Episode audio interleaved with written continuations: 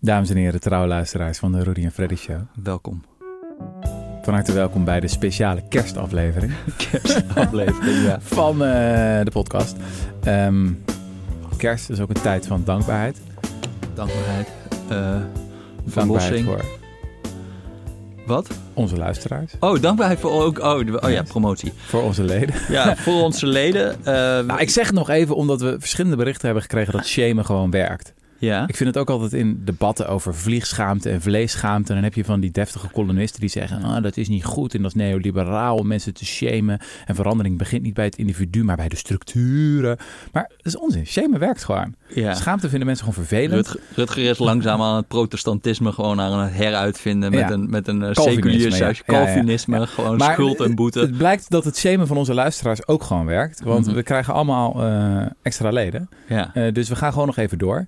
Ben je fan van de Rudy en Freddy Show en ben je nu al jaren gratis onze podcast aan het luisteren? Schaam je. Schaam Schaam je, je, gewoon heel erg. Ga naar decorrespondent.nl Denk je dat dit gratis is, vriend? word lid. Of in ieder geval slash doneer. Eh, dat wordt zeer gewaardeerd. Oké. Eh, en dan zijn we dankbaar, want het Ja. is bijna kerst. Het is bijna kerst. Ja, Ehm, mooi. Allemaal aan elkaar gepraat. Jesse, we doen eerst even een rondje actualiteiten. Ja. En dat rondje begin ik bij jou. Ehm, jij had een eh scoopje.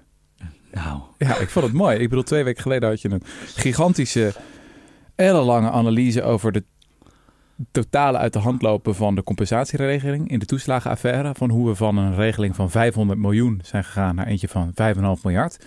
Nu weten veel En mensen het verschil niet tussen een miljoen en een miljard, maar dat is ja, een fors ik, verschil. ik, ik kwam er pas later ook achter. Weet je wat de begroting is voor kinderopvangtoeslag zelf? ja. 3 miljard. Ja, dus de compensatieregeling is nu bijna twee keer zo duur als we überhaupt aan kinderopvangtoeslag aan alle ouders in heel Nederland in een jaar uitkeren. Ja, Veel bijna geld. wel. Ja, ja, ja. Ah, ja. ja, dat is veel. Ja, maar, Maar dat dat- haalde allemaal het nieuws niet. Dat deed helemaal niks. Dat werd niet overgenomen. Maar nu had je een nieuwsfeitje over 14 Bulgaren. nou, ik wist, nog niet dat, ik wist nog niet eens dat er 14 waren. Ik wist Ja. dat het er meerdere Ja, waren. ik moet nog even wat extra context Oké. schetsen. Want het was echt journalistieke performance art. Kan het niet anders beschrijven.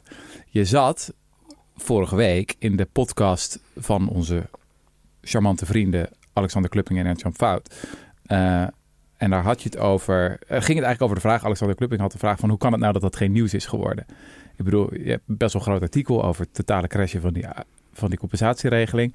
Met ook de suggestie van het zou nu zelfs wel eens kunnen zijn dat de Bulgaren van de Bulgarenfraude, waar het nou ja, niet allemaal mee begonnen is, maar die in ieder geval een belangrijke rol hebben gespeeld ehm, in het eh, op gang komen van de fraudejacht, die heeft geleid tot de toeslagenaffaire, dat zelfs die nu aanspraak maken op 30.000 euro. Ja. Ironie der ironieën. Ja, zo, zo rond mag een cirkel niet zijn. Nee, eigenlijk. precies. Eh, Dat komt in de wiskunde niet voor, maar in de journalistiek blijkbaar wel. Ehm, en eh, toen zeiden ze tegen jou van ja, eh, je moet er eens een keer, maak nou eens een keer nieuws, weet je wel. Wees nou niet die nobele verliezer die van die genuanceerde verhalen aan de zijlijn schrijft. maak nou eens nieuws. En wat gebeurt een paar dagen later voor pagina NOS? Je hebt het zo waar gedaan. Vertel even hoe dat in zijn werk ging. Nou, ik wist, ik wist dat ze dus bij het ministerie aan het uitzoeken waren van... eh, oké, ja, die Frederik schrijft nou wel op dat inderdaad zelfs die Bulgaren mogelijk aanspraak zouden kunnen maken op compensatie. Maar is dat ook al gebeurd? Dus toen hadden ze intern een onderzoekje gedaan.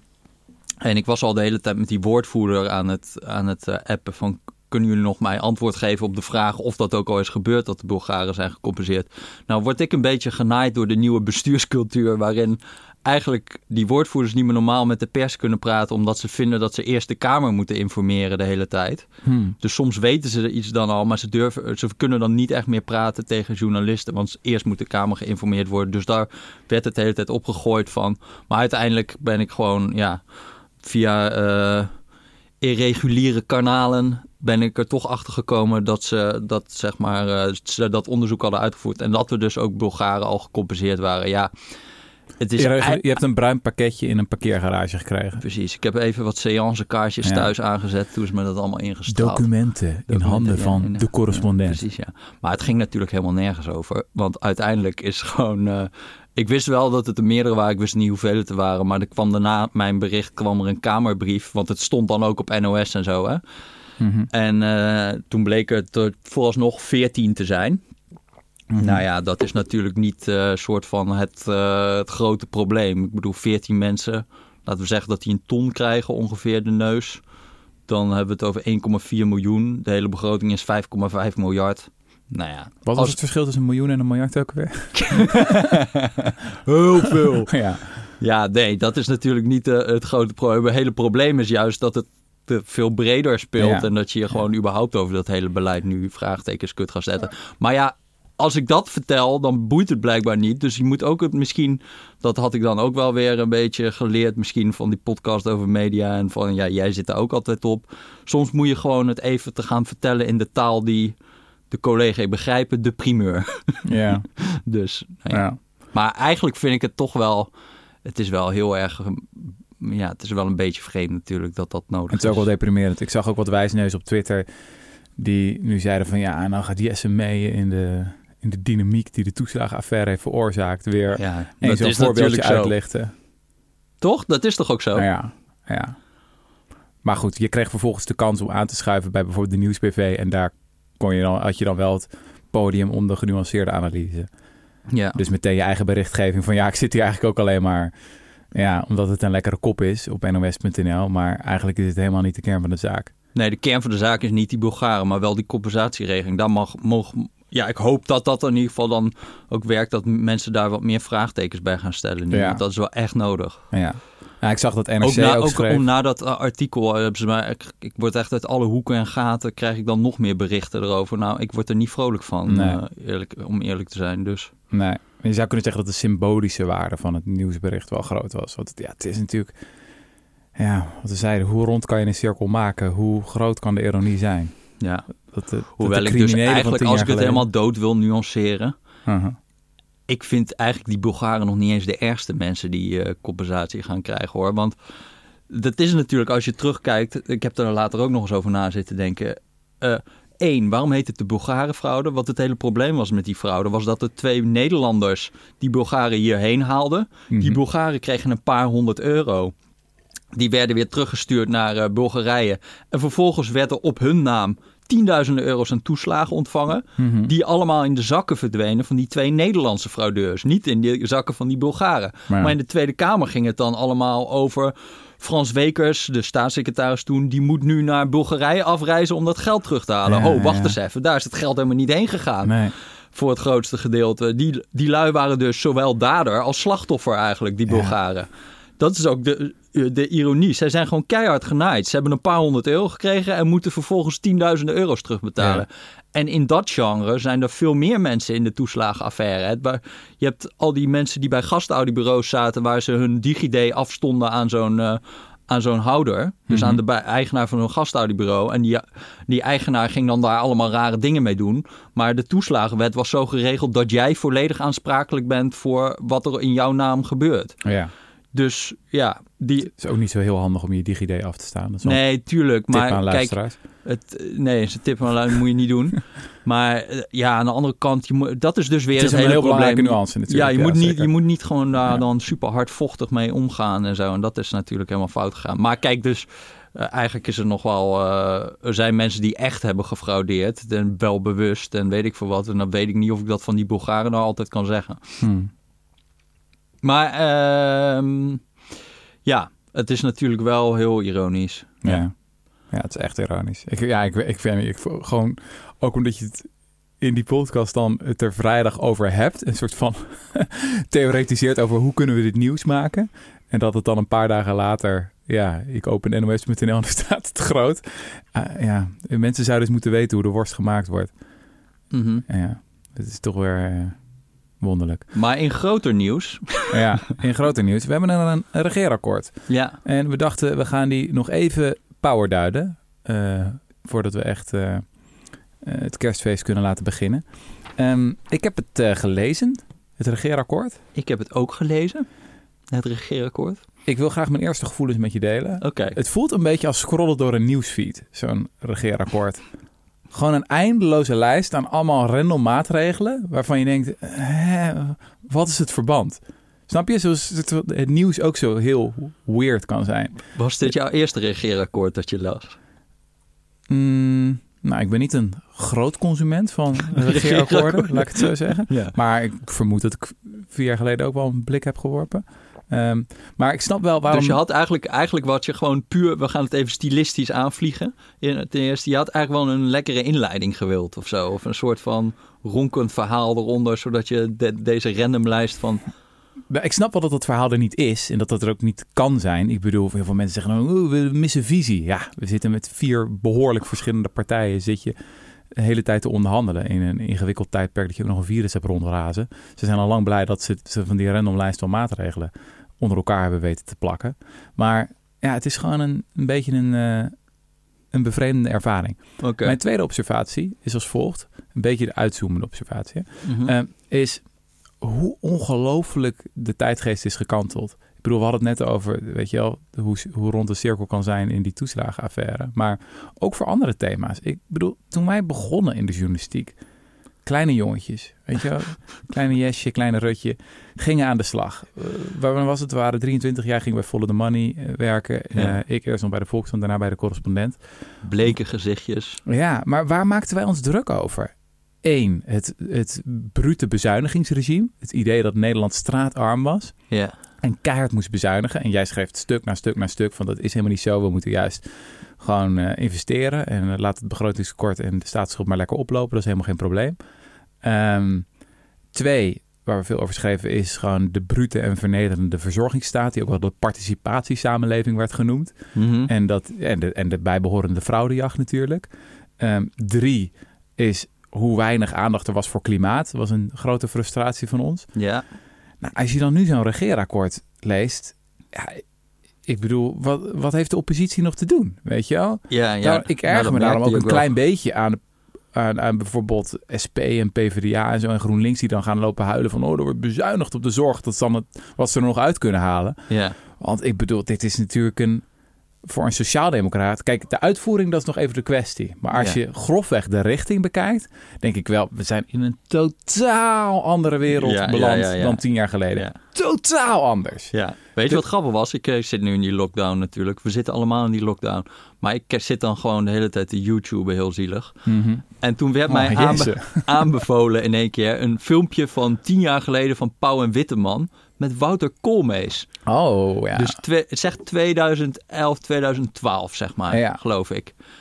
Nou, ik zat dat te kijken en dan denk je echt, dit zijn berichten uit andere tijden. Want dat ging dus echt over, de, eh, over een soort van die 3%-norm. ja. En hij ging heel hard tekeer tegen dat de PvdA daar toch wel ja, te losjes mee omging. Nou, die gingen daar ook helemaal niet losjes mee om. eh, Ja.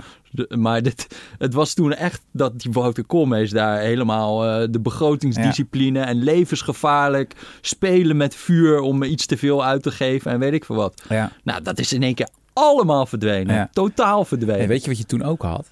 Ehm, een jonge idealist als Siewert van Linden heeft inmiddels een iets andere reputatie.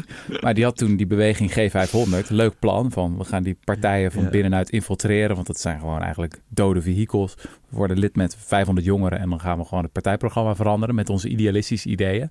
Maar wat was een van de centrale idealistische ideeën van G500? Het begrotingstekort mocht niet te ver Ja, ja. oplopen. Want anders zouden we ja, toekomstige generaties daarmee opzadelen. Volslagen lulverhaal trouwens ook. Ja. Over, dat, over dat die kleinkinderen altijd. Dat is echt... Oh. Nou, je zou zeggen dat die kleinkinderen vooral willen dat we iets aan klimaatverandering doen. Dat ze dat iets belangrijker vinden dan de, de omvang van de staatsschuld. Maar dat valt mij wel op, want ik ga nu weer misschien weer helemaal contra, contracyclisch eh, te Ja. werk eh, qua, dat, qua waar de wind heen Ja, eh, waait. vintage, Jesse. Maar ik-. Kijk, ik ben van de functionele financiën. Hè? Dus ik ben van alles wat, we, alles wat we kunnen kopen, dat kunnen we in principe betalen. Ja. Hè? Dus ik vind al die fixatie op 3% normen of 60% staatsschuld of rentestanden en weet ik wat, wat allemaal. Daar was ik altijd al tegen. Het gaat niet om die fi- fiscale en financiële indicatoren. Het gaat gewoon om de reële economie. Dus wat is de werkloosheid? Is er genoeg te koop wat we kunnen betalen? En we komen nu op een punt dat we nu 5,4% inflatie hebben. Mhm. Eh, dat betekent dat er heel veel geld op zoek is naar heel weinig goederen en diensten. Waardoor die prijzen omhoog gaan. Nou ja, kan je ook nog een discussie over voeren of dat tijdelijk is of permanent. Mhm. Maar dit begint juist het moment te worden waarop een overtuigd Keynesiaan zich even achter de oren moet gaan krabben en moet gaan zeggen: ja, als we nu nog uh, veel en veel, veel meer gaan uitgeven, zijn we de boel niet zo ver aan het uh, oververhitten dat we straks echt een probleem gaan krijgen. Met, er is hier met... veel dat ik even moet uitleggen, denk ik, voor de mensen die niet overtuigd Keynesiaan zijn. Oké. Ehm, jouw stelling is, in een economische analyse moet je niet kijken naar ja, de financiële in- indicatoren, hoeveel geld je op de bankrekening hebt staan, maar je moet kijken naar hoeveel leerkrachten hebben we, hoeveel verpleegkundigen hebben we, hoeveel gebouwen hebben we. Gewoon in de echte wereld, wat hebben we? Ja, En als je al een hele lage werkloosheid hebt, wat we in Nederland heb- hebben, ja, dan eh, kan je wel heel veel geld tegen bijvoorbeeld gratis kinderopvang aansmijten. ja. Of zeggen van we willen extra, eh, I don't know, in defensie investeren. Ja. Of extra in het onderwijs, meer, meer mensen voor de klas. Maar als die mensen er niet zijn, dan, dan, ga je de prijs van ga je die- alleen maar de prijzen opdrijven. Ja, dus dan, ga, dan gaan mensen tegen elkaar opbieden om dat je personeel te krijgen. Ja. Nou is dat trouwens, Is al aan de gang, toch? dat is al heel erg aan de gang. En dat is heel, heel, heel erg goed. Want we kunnen vaak in, in, in de politiek is er de neiging om allerlei soort van arbeidsomstandigheden, om daar allemaal regels omheen te doen. Maar de allergrootste bijdrage die je kan hebben aan betere arbeidsomstandigheden is een redelijk oververhitte economie. Waardoor mensen, werkgevers tegen elkaar op moeten gaan bieden om personeel te krijgen. Ja. Ik begreep van mensen die een beetje in die magazijnsector HR doen, dat ze daar vroeger het echt als een wegwerpproduct konden gaan gebruiken. Hè? Magazijnmedewerkers, die bleven ook gemiddeld, weet ik veel, 500 uur maar werken en dan waren ze weer weg. Omdat het gewoon helemaal geen leuk werk is, het is vreselijk. Maar nu kom je op een punt dat het zo duur wordt om nieuw personeel te gaan eh, werven, dat je ook moet gaan nadenken als werkgever, ja, kunnen wij ons wel veroorloven om mensen zo kort hier te laten werken? En dat is natuurlijk geweldig Ja. dat dat gebeurt. Maar eh, eh, het begint wel tijd te worden dat er dan ook een discussie over gaat ontstaan over slaan we niet door straks. Want als we straks echt een punt gaan bereiken waarin we eh, inflatie eh, een beetje permanent gaat worden, dan wordt dat wel problematisch. Ja. Ja. En dat, daar, daar gaan we nu wel in die richting. Hè? Want er zitten nu al zoveel. eh, ik bedoel, nu is de gasprijs ook 180 euro per, per megawattuur. Dat is totaal onvertoond. Mhm. Er zijn materiaaltekorten van, van alles, personeelstekorten. Ja, eh, het, wordt wel, dat wordt, het begint een beetje riskant te worden. Ja. En de grap is dat iedereen eigenlijk nog vastzit in het niet overtuigd Keynesiaans is. In hoe zij nadenken. Dus iedereen denkt eh, op dit moment nog steeds van... ja, de rente is laag, dus we kunnen alles betalen. Dus zij zitten heel erg op die fiscale en financiële indicatoren te sturen. De staatsschuld is niet heel hoog, dus we kunnen het betalen. Maar dat, dat boeide toen niet en dat boeit nu ook niet. Het probleem is die echte economie Mhm. en of we daar niet... Of, we, of er daar nog genoeg te koop is, zeg maar, voor een redelijke prijs. Ja. En dat is het echte probleem. Want wat we kunnen kopen, dat kunnen we betalen. Maar het probleem is nu dat we niet genoeg meer kunnen kopen. Omdat er echt te, echte tekorten ontstaan. Ja. Ja. En dat, dat, dat, dat zit sowieso in dat hele... eh, Dat is echt een heel belangrijke les. Hè? Dat we echt ons veel te veel blind staren op ja, die, cijfertjes van het begrotingstekort, de staatsschuld, hoeveel miljard dit, hoeveel de miljard dat. kleinkinderen, dat soort gelul. Dat, daar moet je echt vanaf. Want kijk, eh, ook dat idee van die kleinkinderen... wat altijd dan werd gezegd... werd ook dan weer nu door de SGP een beetje in dat debat eh, gebracht. Mhm. Maar dat kan natuurlijk niet. Je kan niet een overdracht van goederen en diensten in de tijd hebben. Als je, zeg maar... Het is niet dat wij nu allemaal dingen ophamsteren... om die dan straks weer terug te sturen naar 1950. Nee. Zo werkt het niet. Zeg maar, als je een hoge staatsschuld hebt en je moet daar rente op betalen, dan betaal je die ook aan de toekomstige generatie. Die ontvangt ook die rente. Ja, inderdaad, ja. Het is niet zo Ja. dat die rente dan weer teruggaat naar 1950. Zo werkt het niet. Nee. Het is altijd een distributiekwestie. Dus de vraag is wie heeft die staatsschuld tegen die tijd in handen? Ja. Ja. En, en, en, en ook, stel dat, er, stel dat die staatsschuld in handen zou zijn van de top 1%. We zouden ook een soort van belasting kunnen hebben, waardoor dat allemaal weer terugvloeit naar Ja, de staatskas. ja. Dus eh, dat is allemaal geen. Dat intergenerationele Ja. Siewert van Liene verhaal, dat was toen onzin, dat is nog steeds onzin. Ja. Maar, Maar het is ook wel bevrijdend, want het helpt mensen die zichzelf een beetje beschouwen als economische leken of zo, die, voor wie het een beetje gaat duizelen als het over al dat soort indicatoren gaat. Eh, het helpt hen misschien ook om eh, te beseffen dat ze eh, meer van economie begrijpen dan ze zouden denken. Dus bijvoorbeeld iets simpels als kinderopvang. Nou ja, eh, wij hebben nu al dat af en toe eh, de groep gesloten wordt en dan eh, heb ik ineens een extra pappendagje in de week. Mhm. Ehm, ja, wie gaat dat doen? zeg maar. Ja. Je- je, hoeft niet een soort van hoogopgeleide econoom te zijn om te begrijpen van, hmm, daar gaan misschien wat tekorten ontstaan. En dat, Ja. eh, want ze zijn er nu al. En ik weet ook, ja, die kinderopvang kunnen we trouwens nog wat verder over hebben. Ik bedoel, die is nu knetter nivellerend geregeld. Dus met wat hogere inkomsten moet je fors extra betalen voor een dagje extra. Mhm. Nou ja, ik moet heel eerlijk zeggen, als het straks gratis wordt. Ik denk dat ik nog wel. eh, ja, het is natuurlijk niet goed volgens de natuurlijke moederschaps- en vaderschapsideologie. Je moet je kindjes natuurlijk zoveel mogelijk thuis houden. Maar we hebben nu drie dagen. Ik denk dat ik misschien wel vier of vijf zou willen. Ja, Lijkt me top. Ja. Eh, kan maar ook ja, gewoon wie- aan een adoptie afstaan. Ja, hè? maar wie gaat het allemaal doen? En trouwens ook, ja, in dit geval, ehm, het zijn volgens mij vooral de hoge opgeleide en de rijke mensen die dan eh, profiteren.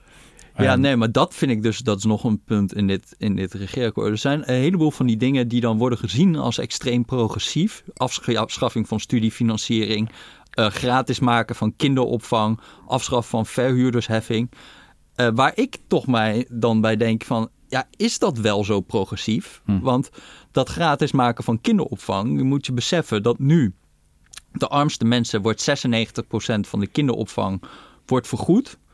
Hè, dus die krijgen kinderopvangtoeslag. 96% van de kinderopvangkosten. En als je heel erg rijk bent, dan wordt zeg een derde van je kinderopvangkosten vergoed. ja.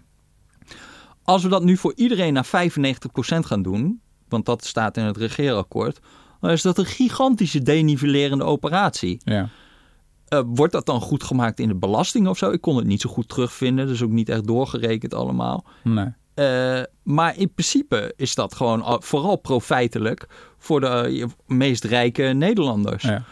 En eh, ik had daar ook nog wel een vraag bij. Want de, je kan best wel iets bedenken over dat je iets met kinderopvang moet doen. Maar nu is het heel erg ingericht als arbeidsparticipatieinstrument. Hè? Dus mensen willen door kinderen naar de kinderopvang te brengen.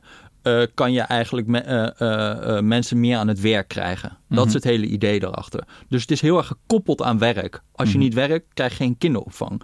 Je kan het ook zien als iets wat goed is voor de kinderen. Dus als een pedagogisch instrument. Er is best wel wat bewijs over vroeg onderwijs dat dat extreem belangrijk is. Mhm. Ja, nou ja, dan kun je ook nog over al dat wetenschappelijk bewijs. Het is best wel ingewikkeld om dat goed te doen. Maar laten we Ja. zeggen dat, dat, dat je daarin kan geloven. Zou het dan niet logischer zijn om te zeggen: oké, we eh, doen ook juist de kinderen van zeg werkloze ouders of mensen die helemaal niet aan het werk zijn, dat we die ook recht geven op kinderopvang, Ja. zodat we dat die pedagogische eh, eh, kwaliteiten van kinderopvang, zodat we dat meer naar voren brengen. Ja, ja. Maar daar wordt niet voor gekozen. Het wordt juist voor gekozen om het voor de rijkste mensen beter te maken. Ja, en, ja, ja, eh, en dat vind ik wel een, ja. Ik Dus bedoel, bijvoorbeeld hadden heb toen je een met... uitkering, dan, dan geen gratis kinderopvang. Je moet een... eh, Het is gekoppeld aan werk Ja. nog steeds. Dus dat hebben ze niet doorgesneden.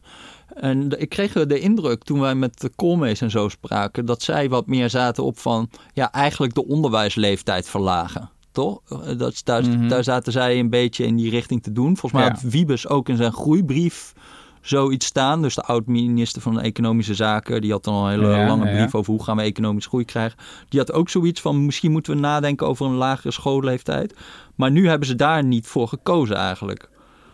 Eh, dus ja, dat vond ik wel, vind ik wel opvallend. En ook niet iets waar je op links nou per se heel hard om moet gaan staan te juichen. Nee, Tenzij nee. je het op een of andere manier goed maakt in de belastingen. Maar dan is ook een beetje de vraag, Ja. zijn we dan niet gewoon geld heen en weer aan het schuiven? En, eh, en dan is er nog iets wat ook de vraag is of het als arbeidsparticipatieinstrument altijd zo geweldig werkt, die kinderopvang. Want heel vaak, eh, dat blijkt ook uit die studies van CPB en zo, is Ja. het dat, het dat, dat je daardoor eigenlijk eh, de formele sector verdringt de informele sector van opvang. Dus opa of oma doet het eerder, of buren of kennis of weet ik veel wat. Maar nu gaat, er dan, gaat iemand dan naar de eh, formele opvang. Dus eigenlijk ja, zie je daar heel veel substitutie. mhm. Eh, dus dan is het eigenlijk, ja, wat je daar dan mee wint aan dat mensen makkelijker aan het werk kunnen. Want het is gewoon een andere opvanglocatie krijgen Ja, precies. eigenlijk. Ja, ja. Dat zie je in de praktijk ook gebeuren. Dus Ja. de vraag is of dat voor qua doelmatigheid, om maar een lelijk woord te gebruiken, of dit de beste besteding van je euro is. Als, jij, als het enige is wat je beoogt, arbeidsparticipatie. Dat moet je eigenlijk eerst zeggen. Je moet eerst zeggen, wat wil ik hiermee bereiken? Ja. Wil ik zeggen, wil ik weer mensen de arbeidsmarkt opjagen? Ja. Of wil ik kinderen helpen, zodat die, Ja, I don't know, een pedagogische, rijkere omgeving hebben. Dat moet je bepalen en dan kan je vervolgens nadenken over wat het beste instrument is. ja, Maar nu ja, is er iets gekozen wat soort van ja, dan de, al- alleen voor de arbeidsmarktparticipatie is. En zelfs daarvan is het de vraag of het, of het gaat werken. ja. De- ja, dat vraag ik mij af. dus ja. dit is echt een thema waar de linkse oppositie juist scherp op zou moeten zijn. Van, kom er een ander Ja, hoewel ik volgens mij, ik, heb, ik, dat- ik weet dat niet zeker, maar een heleboel partijen hebben wel een soort van gratis kinderopvang in hun programma. Dus Ja. dan, eh, en ik snap dat, eh, Het is wel een heel grote vraag van gratis voor wie. Ja, Want vind alleen ik voor ook. werken, dat is... Ja, je kan natuurlijk ook zeggen gratis kinderopvang en het financieren met een extreem progressieve inkomstenbelasting. Ja, Maar dan ben je ook een beetje de geldstromen anders aan het verleggen. En eh daar moet ik even over nadenken of, of je daar dan voor moet zijn of zo. Nou, ik heb hier een overweging bij. Ehm, de grondlegger van de Britse welvaartsstaat, Richard Titmuss, die zei ooit: A policy for the poor is a poor policy. Dus de redenering hier vanuit die, die oer-sociaaldemocraten is van ja, we hebben allerlei dingen, zoals bijvoorbeeld ehm, gezondheidszorg als recht voor iedereen Mhm. of uh, hoge kwaliteit publiek onderwijs voor iedereen. En dat is ook gratis voor de rijken. Die in principe het zelf zouden kunnen betalen, maar we doen het voor iedereen, omdat dat dan de regeling veel stabieler en steviger is. Politiek-economisch? Politiek-economisch, Ja, dus, ja. Dat, ja, Ja. dus dat je krijgt niet mensen die daar belang bij hebben. Iedereen heeft er belang bij, dus dan Ja. wordt het verankerd. En dan moet je dat vervolgens maar weer recht trekken inderdaad in de belastingen. Door de rijkere hogere belasting te laten betalen. Maar als de rijken doorhebben dat zij iets hebben aan de verzorgingsstaat. Want ze sturen hun kinderen naar gratis scholen die, die goed zijn. Mhm. En ze, ze gaan naar ziekenhuizen waarvan ze denken, nou, dit is, dit is best wel prima. Ja, dan heb je een veel krachtigere lobby in feite die die regelingen in stand houdt. Terwijl Mhm. als jij een heel gerichte policy hebt, een gericht beleidsinstrument, dat zegt van we gaan alleen die mensen helpen die het echt nodig hebben. In Mhm. eerste instantie denk je, ja logisch, we helpen alleen de mensen die het echt nodig hebben. Maar dat zijn vaak ook de wat kwetsbaardere mensen met een minder luide stem. Die als dan de regeling, ja, als er bezuinigd moet worden, als er beknippeld wordt, ja, poef, het is zo weer weg. En dat is een van de verklaringen waarom de verzorgingsstaat in de VS bijvoorbeeld eh, zwakker is. Zo, En in het Verenigd Koninkrijk uiteindelijk ook. Mhm. Ehm, en het pleidooi voor, van, van sommige van die ja, inderdaad politiek economen die zeggen van je moet ook als je een economisch als je een beleidsinstrument ontwerpt moet je ook kijken naar de politieke dynamiek. Ehm, eh, ja, maar ik denk ja, dat hier de dat politieke... universalisme. Ik snap het wel. Maar ik, snap, ik denk dat de politieke dynamiek hier nog juist wel wat ingewikkelder wordt. Dat ze dan in een regeerakkoord hebben afgesproken... we doen gratis kinderopvang. Nou, bijna gratis kinderopvang, hè, Mhm. moet even. Eh, maar dan, als je, dan krijg je nu straks weer een discussie... oké, maar hoe gaan we dat recht trekken in de belastingen? En ik zie daar juist heel erg veel... dat er gesteigerd gaat worden op rechts... mhm. Van ja, eh, jullie gaan weer nog inkomensafhankelijker, bla bla bla bla bla. Dus ik denk dat het politiek-economisch juist veel lastiger ligt wat ze nu gaan doen. ja. Ja. Dat zou mijn inschatting zijn. En dan is er nog iets, hè, wat ook, ook eh, waar ik me afvraag of dat nou zo vreselijk progressief is als mensen het voorstellen. Die studiefinanciering. Ja. Kijk, een hoge opleiding is een extreem rendabele investering in jezelf. Dus mensen met een hoge opleiding krijgen geloof ik 7, 8, 9 procent rendement per onderwijsjaar bij wijze van spreken. Dus het is echt extreem rendabel. En mensen met een hoge opleiding zijn over het algemeen ook mensen met een hoog inkomen. Dus die studiefinanciering op dit moment zorgt er, is eigenlijk redelijk progressief. Want je Mhm. belast mensen die eh, eh, een hoge opleiding hebben gehad. Mhm. Door dat af te schaffen, denk ik dat het ja, dat dat juist ook eh, een, een denivellerend gaat werken. Mhm. Want nu moeten zeg maar MBO'ers en weet ik het allemaal in hun belastingen gaan meebetalen aan Ja. de opleiding van. Kijk, daar was het argument ook dat tegen die studiefinanciering was natuurlijk van ja, maar je zorgt ervoor dat de instroom naar hoger onderwijs van mensen uit een lagere inkomensklasse, dus die ouders hebben die niet zo rijk zijn, Mhm. die wordt lager, want ze worden gedwongen om te lenen. Mhm. Maar daar, heeft, daar is dus wel empirisch onderzoek naar gedaan door het CPB. En daar komt toch echt uit dat dat niet het geval is. Leenangst is geen. Het, je ziet Probleem. het niet in de data dat, er, Nee. dat er, de toestroom naar, van eh, HAVO en uit VWO is alleen maar toegenomen. Ja. Dus ja, eh, dan vraag ik me af, waar is het dan nog steeds op? Dat blijft herhaald worden natuurlijk. Het is een beetje ja, Ja. immuun voor empirie blijkbaar. Nou, je Maar- komt wel op, op van die argumenten als bijvoorbeeld... ehm, als burger van dit land... eh, heb je het recht om te gaan studeren en dan ook om gesteund te worden. En als je dan later groot bent en je hebt een leuke baan, dan wil je ook graag teruggeven. Want ja, jij hebt ook die studiefinanciering gehad. De- weet je, dat soort niet te toetsen argumenten krijg je dan. En het raakt bij mij wel een snaartje. Mhm. Zo van, kijk, als je het, om, om het, om het woord neoliberalisme er even in te gooien. Mhm. Kijk, en, en sommige mensen zeggen van, het is zo'n neoliberaal idee. Van begin maar van jongs af aan te lenen, te investeren in het project ik, weet je wel, Mhm. om zoveel mogelijk menselijk kapitaal op te bouwen. En dan rendeert dat later wel weer. In plaats van het idee van, weet je wel, ga gewoon studeren. Eh, we got you. Eh, en eh, we, ja, Ja, maar dat is, zit toch ook een beetje in dat leenste. Als je geen inkomen hebt laten, dan hoef je ook niet af te lossen. Of veel Nee. minder af te lossen. Dus het is een sociaal het leenstelsel. is ook heet het psychologisch voor, naar mijn het is idee. heel erg in psychologisch, heel want belangrijke mate is Terugbetalen van een lening is natuurlijk ook het, kan je ook zien als een soort van belasting. het... Ja, ja. En we, we kunnen ook dit weer omvormen van oké, je krijgt gratis onderwijs, maar uiteindelijk belasten we de rijkeren ja, hoger of weet ik veel wat. ja. Maar zijn daar afspraken dan zo duidelijk over gemaakt? Want nu zit je twee keer een best wel denivelerende maatregel. Maar dan zou ik, ben ik wel benieuwd hoe dat dan opgelost gaat worden aan de inkomstenkant. ja. Ik, weet, ik, ik heb niet... Het is echt wel psychologisch, want 30.000 euro schuld bij de bank is natuurlijk heel iets anders dan 30.000 euro schuld aan studiefinanciering. Ja, het ik is een bedoel, hele qua- zachte schuld, de, Ja. de, de studiefinancieringsschuld. Ja. ja. Maar goed, dat gaat er dus ook... En wat eh, ook nog trouwens in die studie nog wel interessant was van het CPB. Wat je ziet is dat mensen eigenlijk door die invoering van die studiefinanciering. eh, het is niet zo van dat je hebt de basisbeurs is verlaagd. En, en mensen zijn gewoon dat bedrag erbij gaan lenen. mhm, Mensen zijn, studenten zijn veel meer gaan lenen dan ze vroeger kregen. Mhm, Dus, mhm. dus zeg maar, je, dat was, zo- vond ik wel interessant. Maar mensen die van de HAVO komen, was dan eerder was het eh, gemiddeld, geloof ik. Dus voor de, die nieuwe studiefinancieringswet was het 205 euro wat ze bij elkaar kregen. Dus basisbeurs plus lenen. Ja. Nu doen ze 305 euro. En dat is vooral omdat ze veel meer zijn gaan lenen. Oh ja. Dus daar kan je nog wel een argument maken. Zijn studenten, de, be- hebben die de meest vooruitziende blik van wat zij eigenlijk, eh, zeg maar, zijn zij in staat om goed te beoordelen hoeveel lening zij eigenlijk. Ja, ja, ja, ja, ja. Dus wat misschien dat, als je eenmaal sta- gaat lenen, dat je denkt, nou, doe nog maar een beetje erbij. Ja, het is toch je allemaal ja. abstract. Ja. En fuck it, we gaan het beleggen in bitcoin en mijn rendement is daar toch hoger. En, Ja. eh, nou ja, weet ik veel. Bitcoin, dat is... Dat, is, Dat wordt nog eens heel groot, denk ik. Ehm, even kijken.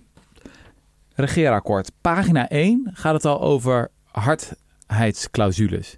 Dat Ja. vind ik ook weer een mooi voorbeeldje van hoe de tijdsgeest is gekanteld. Wat was het ook weer, hardheidsclausules? Ja, dat je eigenlijk gewoon mogelijk maakt om voor een, de rechter of voor de uitvoerend ambtenaar om te zeggen... eh, ja, de wet schrijft wel dit voor, maar we zetten nu heel eventjes de wet tussen haakjes. Want in dit concrete geval vinden we het onrechtvaardig uitpakken. Dus we kennen toch een uitkering toe, bijvoorbeeld.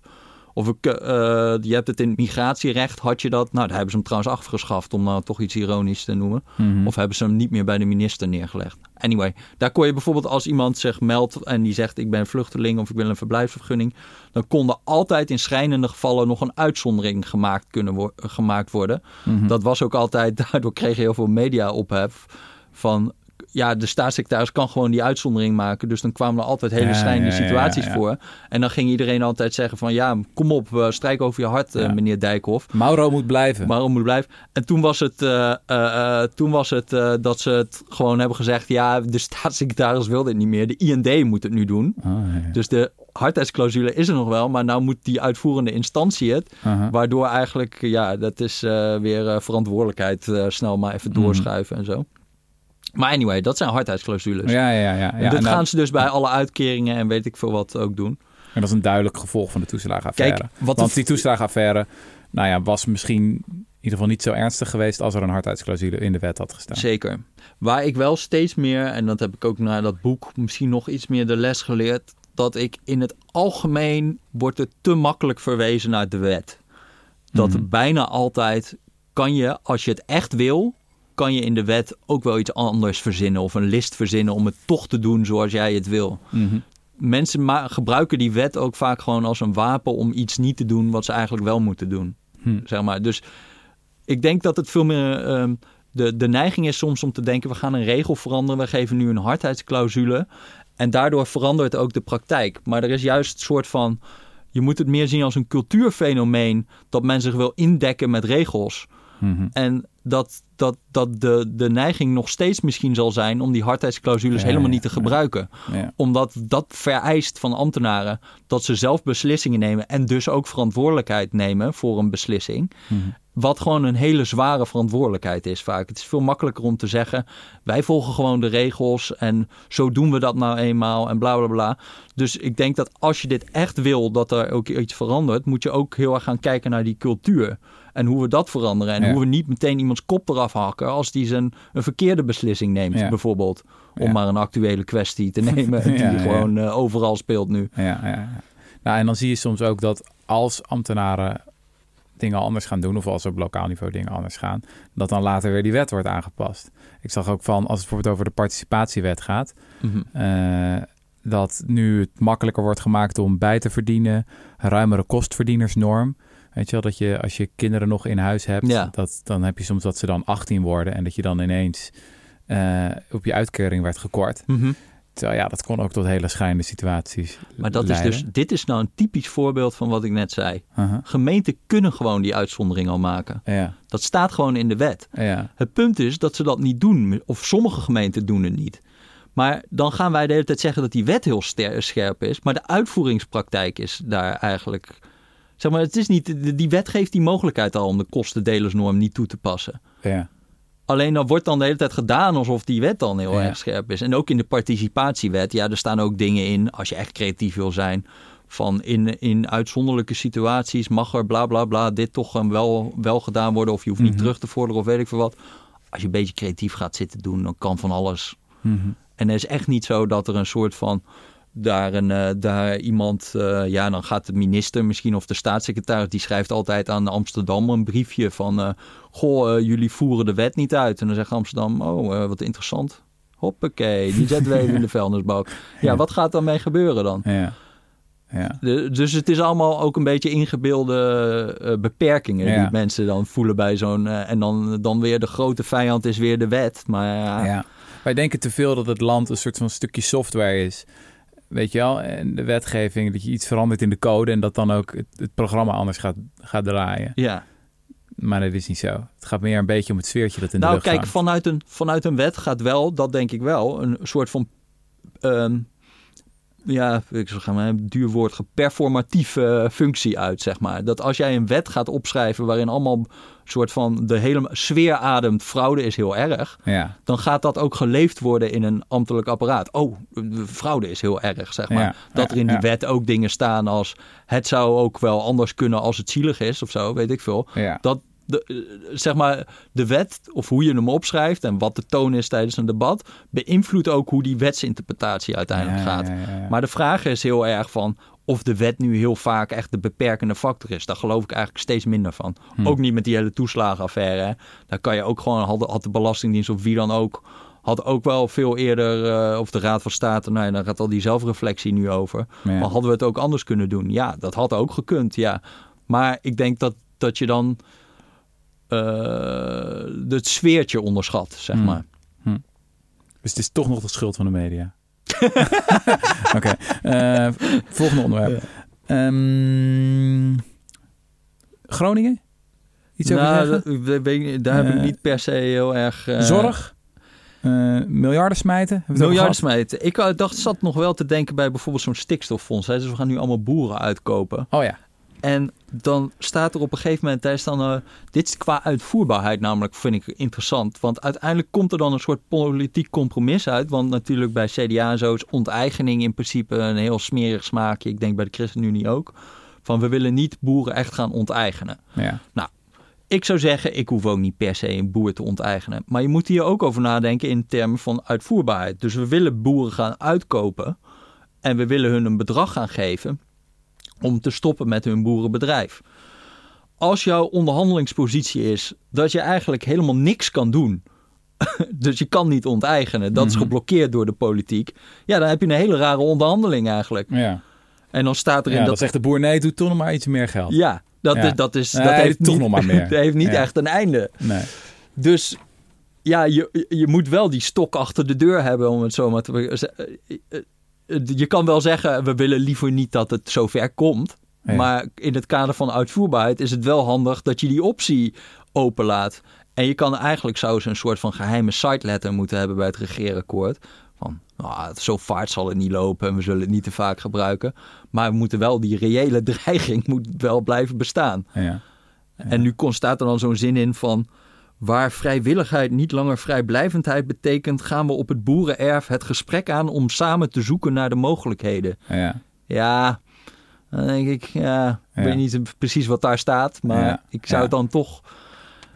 Ik- Je moet gewoon, eh, ja, hier zit een soort van politiek in de weg van wat volgens mij echt verstandig zou zijn. Ook voor, voor zuinig omgaan met belastinggeld. Ja, het is raar dat ik dit soort dingen moet gaan zeggen, maar Mhm.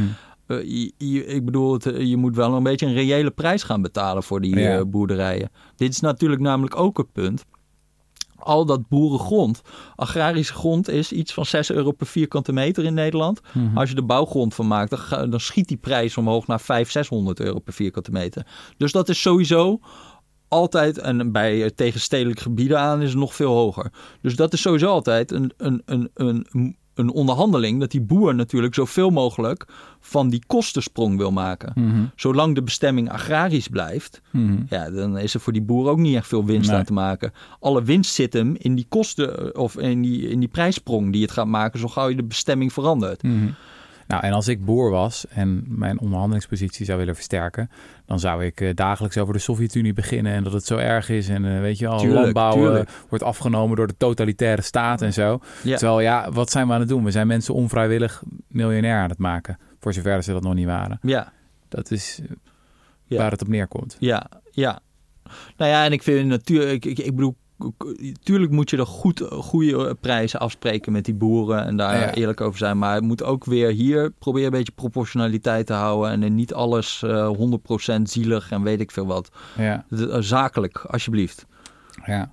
Het is wel Eh, interessant of dit dan ook zoiets wordt als de compensatieregeling. Van dat het echt krankzinnig Ja, veel geld gaat kosten. Er is een om- sfeertje dat we echt alles wat in het verleden fout is gegaan, moet. eh, dat is ook nou met die studiefinanciering. Dat ze dan zoiets hebben van ja, moeten studenten compenseren voor de, voor de studiefinancieringsstelsel. Dan denk Ja. ik, ja, oké, stelt er maar niet zoveel voor hoor. Wat ze gaan doen. Volgens mij een miljard hadden ze daarvoor uitgetrokken. Dus. Ja, Maar ja, dat wordt wel een beetje een rare dynamiek als we elke keer wat vier, vijf jaar geleden is beslist weer.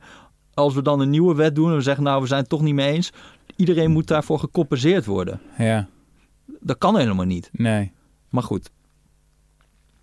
Eh, wat had ik nog meer? Ja, 60% klimaatreductie. Ja, in 2030 al. De ambitie nog wat verder opgeschroefd. Dat is natuurlijk ook wel weer een Ja. soort van, ja... Er staan wel heel erg veel serieuze dingen in, hè, over klimaatverandering en Ja. hoe ze dat gaan aanpakken. Mhm, Maar ik denk dat 55% al wel hoog gegrepen is, mhm. Als ik heel eerlijk ben. En Mhm. dat, dat, dat we dan 60% er gaan, van gaan maken, is dan weer zo'n soort van... Oh, eh, het, het is allemaal moeizaam. Laten we onze ambitie dan nog maar opschroeven voor een verre toekomst... waar wij toch niet eh ja, op nou, ver. Het is ook niet zo ver. Nee, het is helemaal jaar. niet ver, nee. Ik bedoel, we hadden het net over kleine Rutje en kleine Jessie. Dat is langer geleden. Ja, en, en eh, ik weet niet of je, ik, ik zit nu een beetje die gas- en stroommarkten. Het is helemaal totaal crazy aan het worden. Hè? Dus ik ben ook wel benieuwd hoe dat over een paar maanden eh, we dat politiek-economisch gaan aanvliegen. Ja, Want dat gaat echt pijn doen. ja. En want we schakelen nu kerncentrales uit in Duitsland. En, eh, en nou ja, nu hebben we de pech dat er een paar in onderhoud zijn in Frankrijk. Mhm. Gas zijn we helemaal afhankelijk gemaakt inmiddels van eh, door Groningen dicht en weet ik het wat van Rusland. Mhm. Nou, die hebben ook niet eh, een soort van hele gunstige blik naar Europa toe. En die doen ook echt absoluut niet meer dan strikt noodzakelijk volgens Ja, de contracten. Eh, dus die prijzen die gaan naar 180 euro per megawattuur. Ter vergelijking, we zaten een paar jaar geleden nog op 15 euro per megawattuur voor, voor gas. Van 15 naar 180. Ja, dus we zijn totaal afhankelijk daarvan. En je ziet gewoon, kijk, het hele gebruik van energie is nog heel hoog. Maar we zijn al uit een soort van eh, vlucht naar voren. Zijn we eh, de opwek van energie, zijn we allemaal, ja, kwaadaardige bronnen zijn we al aan het afschakelen. Mhm. Ja, en de vraag is of we, die, of we niet heel snel nu alles aan het afschakelen zijn. Of het tempo waarin we duurzaam opbouwen. Of dat wel hard genoeg gaat om dat, om dat gat te vullen. Ja. En ik ben daar Nou, dat gaat nog uh, een, een fikse opgave worden. Ja. En, en ik denk dat we... Ja, ik ben benieuwd hoe het debat de komende tijd verloopt. Als we nou... Als dit een tijdje aanhoudt met eh, die stroomprijzen die uh, vijf keer zo hoog zijn dan wat Ja. normaal is. Oei, oei. Ik ben, Ja, ja, ik, ben wel bang voor een backlash, om ja, eerlijk te zijn. Ja, dat is echt, dat is echt angstaanjagend. En ondertussen zijn de kolencentrales aan het loeien natuurlijk. Ook hier helpt het wel weer om echt de blik op de reële economie te richten, toch? En niet zozeer te focussen op die 60% of, I don't know, wat is het, 35 miljard in een klimaattransitiefonds. Nee, je moet eigenlijk de concretere vraag stellen is, hoeveel werk moet er worden verricht en wie gaat het doen? Ja, Oké, dus je hebt nu 9 miljoen auto's die fossiel zijn. Oké, die wil je allemaal elektrisch waterstof. Hoe ga je dat doen? Mhm. Uh, je hebt uh, zoveel windmolens die gemaakt worden. Waar ga je ze plaatsen?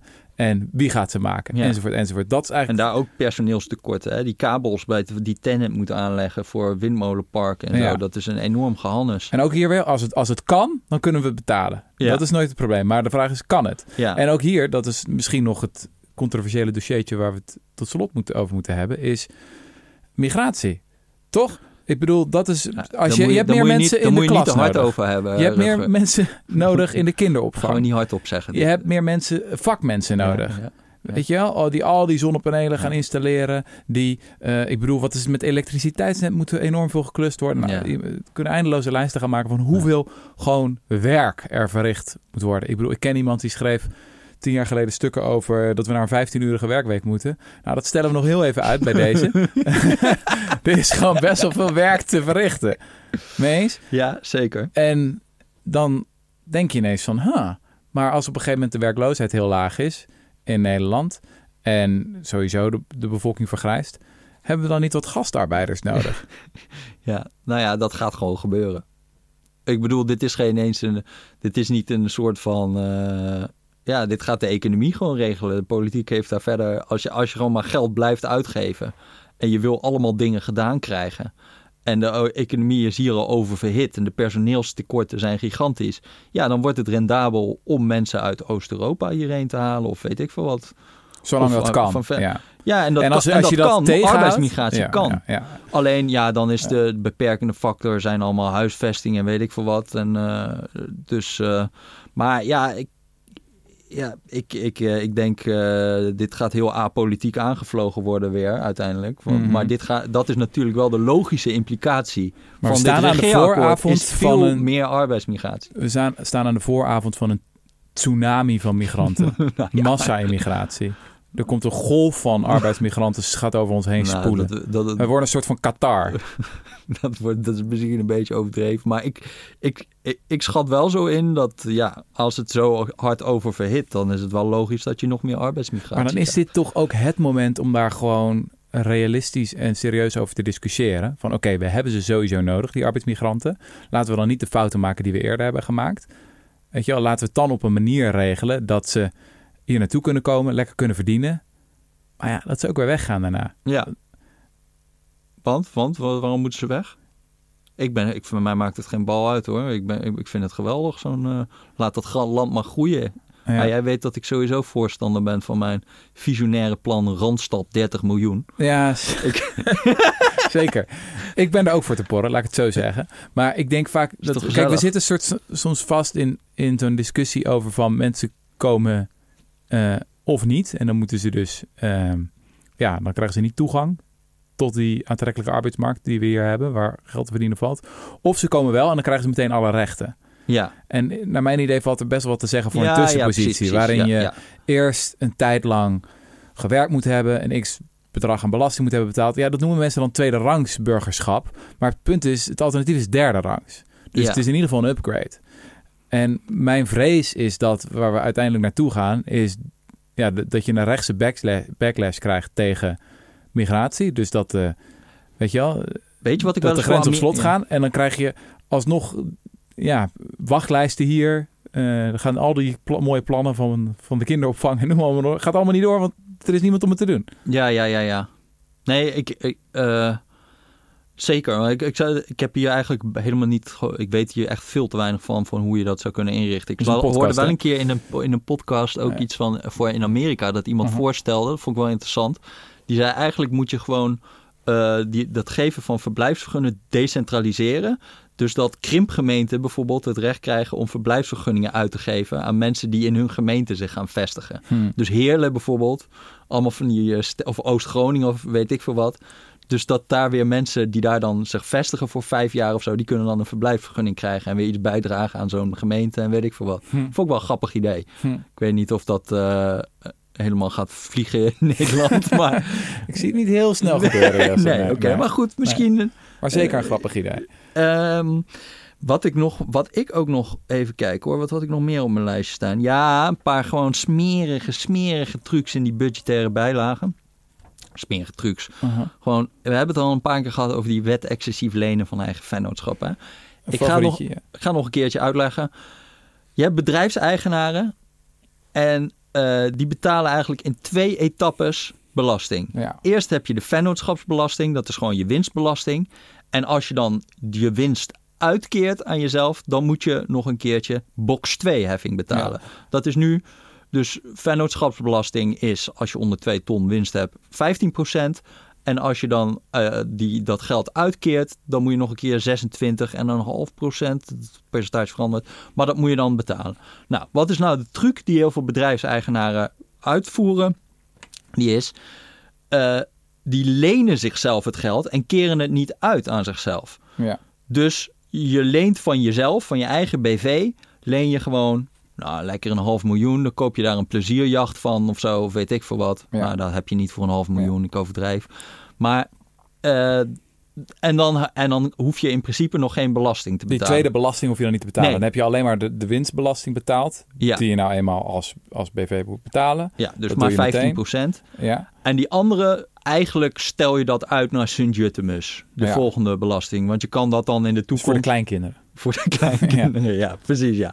Ja, als je doodgaat, mogen die het betalen. Ja. Nou, ehm, daar was een wet voor om te zeggen, ja, oké, en dat is behoorlijk uit de spuigaten gelopen. Hè? Dus volgens mij is er nu stond er 62 miljard euro uit van bedrijfseigenaren aan leningen aan zichzelf van hun eigen BV. Ja. Nou, ga jij maar even rekenen. Rekenen we daar ongeveer 25% belasting over, want met 26,5% kan ik niet rekenen. Maar doen we een kwart van 62 miljard is 13 miljard. Is dat, klopt dat? Weet ik niet, maar 13 Nee, miljard? nee, nee, meer. 18 of zo. Ja. In ieder geval, veel, echt heel, heel, heel, heel veel geld. 18 Ja. miljard is echt heel erg veel Dat is geld. 18.000 miljoen. Ja, dat zeg ik al. Goed. Ze wilden dus die leningen van je eigen bedrijf beperken tot vanaf een bedrag van 500.000 euro. Zou ze gewoon zeggen, gaan we niet doen. We werken dit aan als winstuitkering. Nou, ik volg die wet al drie jaar of zo. De- Je hebt er ook nog niks over geschreven, toch? Ik heb echt Nee. een epische longread klaarstaan van 5000 woorden over de wet excessief lenen van eigen vennootschap. Ja. Maar ook omdat die wet maar niet... Ik dacht dat is leuk als die in de wetsbehandeling komt. Dan ga ik dit publiceren. Ja. Maar nu was die weer vlak voor het regeerakkoord. Was in één keer de wetsbehandeling uitgesteld. Ja. Want ze zeiden van... eh, ja, het is ook de vraag of hij er nu door gaat komen. Want er is een rechtse meerderheid. Maar toen zei ze van... Nee, we gaan dit in het regeerakkoord. Gaat er misschien nog iets mee gebeuren. Toen dacht ik al... Oh, oh, shit. Maar nu is dus die wet excessief lenen... hebben ze de grens opgetrokken van 500.000 euro naar 700.000 euro. Mhm. Dus pas vanaf 700.000 euro lenen van je eigen vennootschap eh, wordt het aangemerkt als winstuitkering. Hm. Nou, ik kan je vertellen, de enige die daar profijt van hebben, van die grens ophogen, is echt de top 0,1 of de top 1% van bedrijfseigenaren. Die meer dan een half miljoen van zichzelf hebben geleend. Mhm. En eh, dus ja, dit is een soort van. Ja, niemand snapt het waarschijnlijk, maar het is een raar, raar cadeautje. wat wordt gegeven aan echt de aller, allerrijkste Nederlanders. Door dit, door dit, zeg maar, die grens weer op Wie te heeft schrijven. dat gedaan? Waar komt dat vandaan? Ja, VVD ongetwijfeld. Maar door en dan denk ik, jammer? VVD, hè, want het begon nou juist zo goed te gaan. Hè. Ze waren een beetje lekker naar links aan het opschuiven, maar dan moet er toch weer zoiets ranzigs Hoezo naar links? Ik vind het toch een beetje... ja, Misschien moeten we toch een beetje aan de framing werken daar. Ik bedoel, het is toch een goed rechtsidee dat je gewoon een beetje eerlijk belasting betaalt. Weet je wel? En dat we Ja. dat een beetje gelijk verdelen. En dat je Nee. belastingontwijking met dit soort sneu constructies Ja, probeert te bestrijden. Ik bedoel, je een goede. VVD'er... je hebt ook gelijk Ja. ook. Ja, nee, dit is gewoon, dit zijn sneuwe constructies. Ja, En, en, je, en je bent gewoon een paar mensen die dat dan kunnen, die worden dan bevoordeeld. Wat te denken van de arme ZZP'er, die gewoon inkomstenbelasting betaalt en die helemaal niet dit soort constructies kan Nee, gebruiken. nee. Je moet, Ik vind, zou het ook echt gênant vinden om een accountant of een fiscalist te zijn Ja. die dit faciliteert. Ik bedoel, we hadden het net dat doen ze over... allemaal. Nou, maar het, kijk, het is, het is... We hadden het net over... De wetgeving biedt heel veel mogelijkheden. Maar het gaat ook een beetje over de algehele cultuur. We begonnen deze podcast met de kracht van schaamte. Je weet, ik ben een big believer. Shame, shame, shame. Toch? ja. Hoe ingewikkelder, hoe makkelijker te gamen. ja. Dan is er nog de bedrijfsopvolgingsfaciliteit. Mhm, Die kennen we ook nog. mhm. Ehm, nou ja, dat is weer zo'n echt zo'n... Deze podcast stopt nooit volgens mij. Hè? Maar ga verder. Zijn we al heel lang bezig? Ja, know. Maar het, ja, het was ook een lang regeerakkoord. Dus eh, we hebben powerduiding We beloofd. hebben dus, powerduiding we nodig. Ja, door. ik zeg nu ook wel, pak alleen een paar dingen uit. Hè, maar ja, ga door. dit was van de bedrijfsopvolgingsfaciliteit. Nou, dat is echt een wanstaltig instrument in de erfbelasting. Komt erop neer dat als jij gewoon eh, geld erft van je ouders, dan betaal je, nou weet ik veel, 20% erfbelasting daarover. Mhm. Maar als jij een bedrijf erft van, jou, ehm, van je ouders, ook voor een miljoen waard is, dan betaal je iets van 1% of weet ik veel wat. En dan ligt Ja. er ook nog even aan, als het bedrijf niet te veel waard is, betaal je helemaal niks. Mhm. Nou, dat is echt zoiets. eh, de, het idee daarachter is natuurlijk, je wil niet dat de fiscus zo'n arm familiebedrijf omvertrekt door een veel te zware fiscale claim te leggen op de nazaten, weet je Mhm. wel. Het is toch mooi dat zo'n familiebedrijf wordt voortgezet. Ehm, dat is ook mooi. Maar er is allemaal empirisch onderzoek gedaan, ook door het ministerie van Financiën, dat heel vaak die fiscale claim echt niet ervoor gaat zorgen dat een familiebedrijf wordt over, eh, omvergetrokken. Mhm. Eh, heel veel mensen kunnen dat gewoon betalen uit de nalatenschap, die, eh, die belastingclaim. En als ze dat niet kunnen betalen, dan kunnen ze een betalingsregeling van 10 jaar krijgen of zo. Dus dat is helemaal geen reële angst Mhm. die er is. Het is gewoon een cadeautje geworden voor de rijkste, wederom rijkste Nederlanders. Mensen die een familiebedrijf gaan erven wat miljoenen waard is. eh, om geen erfbelasting te betalen. Dat is gewoon heel raar. En wat zeggen ze daar nou over? Ik had heel erg gehoopt dat het dan afgeschaft gaat worden. Maar dat gaat niet gebeuren. Ze gaan een evaluatie doen. En dan gaat onderzocht worden of oneigenlijk gebruik kan worden vermeden. Nou, dus dat, dat gaat, waarschijnlijk gaan ze dus die, die regeling nog complexer maken. Van je hebt natuurlijk nu al mensen die gaan structureren Mhm. om, om zeg maar, ze hebben een, een, een, een, eh, een miljoen aan cash.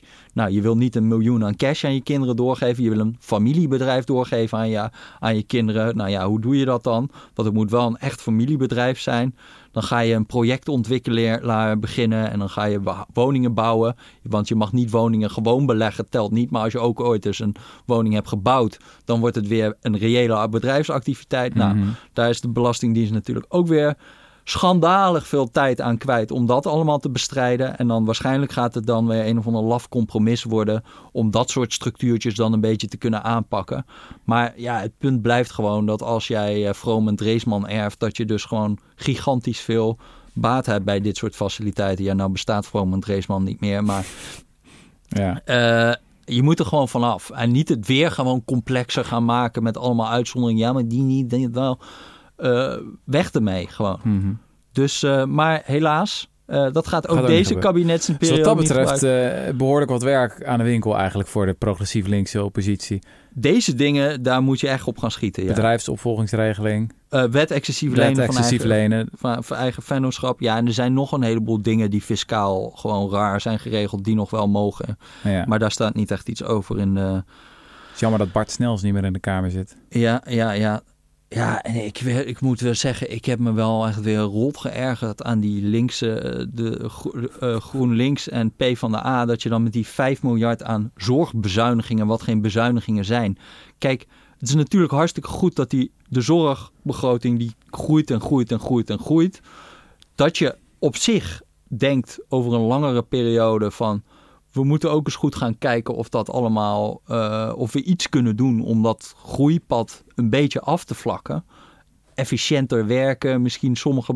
Dus ironie is volgens mij dat ik die Corine Ellemeet van eh, GroenLinks zelf nog heb horen pleiten voor. We moeten serieus gaan kijken of we altijd wel door moeten blijven behandelen tegen enorme kosten. Mhm. Dat heeft ze zelf in de Tweede Kamer zitten zeggen. En dan nu ga je doen, er komt een met de botte bijl in de zorg en bla bla bla. Dat is helemaal niet aan de orde. Moet je, kijk, weet je waar ik naar snak eigenlijk? Waar een soort linkse SGP. dus gewoon mensen die een beetje, een beetje normaal in de wedstrijd staan. Niet de hele tijd die destructieve politiek in van... oh, wij zijn niet in de regering, niks deugt. We gaan tegen begrotingen stemmen en het is eh, allemaal verschrikkelijk. En ze kunnen er niks van Rutte, Rutte, Rutte, Rutte, Rutte. Ook die totale Rutte-cultus aan links is ook totaal, vind ik, vind ik ook niks. Die man die wordt op een schild gehezen door ons. Alsof, alsof hij alles bepaalt, weet je wel. Je hebt nu partijen die willen niet eens meer luisteren naar de inhoud van beleid. Omdat het, het is het vierde kabinet Rutte, Rutte, Rutte. Ja, er is wel wat meer aan de hand in de Nederlandse overheid dan alleen Rutte. Ja. Er moet gewoon, ga dan serieus over dat beleid zitten praten. En een beetje constructief ook. Probeer iets te bereiken. Niet alleen maar die getuigenispolitiek. Eigenlijk wat Bart Snels toen ook in die afscheidsbrief zei. Hè, die had een mooie afscheidsbrief. Kamerlid van GroenLinks, Kamerlid van GroenLinks die, ja. er, eh, die weg is. Ja, die zei ook van ik heb een broertje dood aan getuigenispolitiek. Eh, en ja, daar wordt het wel, ik bedoel, de, er is zoveel getuigenispolitiek nu. Het wordt echt vermoeiend om naar die debatten te kijken. En er zijn ook echt wel mensen die het niet doen en die zien we ook niet zoveel. En dat is natuurlijk ook zonde. En misschien moeten wij daar ook wel wat meer de focus op geven op dan mensen die dan wel een beetje constructief in de wedstrijd staan. Maar god, het, eh, ik, ja, ik hoop niet dat het zo eh, blijft doorgaan nog vier jaar. eh. Mhm. Ehm, Jesse, Dit was het is het? bijna kerst. En eh je houdt niet van de getuigenispolitiek, begrijp ik net. Maar ik wil je toch nog vragen om een laatste boodschap aan onze luisteraar. Wat? Moet ik Ja. nu een kerstboodschap gaan Ja. eh, geven? Ja, lijkt me mooi. Eh, Of heb je nog wat te promoten? Nee, ja, je- ik vond het gewoon mooi dat jullie luisterden naar ons. We horen ook graag van jullie op Rudy en Freddy Show at thecorrespondent.nl. Nou ja. Ik heb nog wel wat te promoten trouwens. Oh, vertel. Er is een speciale kersteditie van mijn boek De meeste mensen deugen. Ja, Ja, is mooi hè? is dat mooi? Ja, het is een ja, heel, is heel mooi mooi pakketje. Ja, ja, echt belachelijk duur. 60 euro. Maar je krijgt vervolgens echt iets...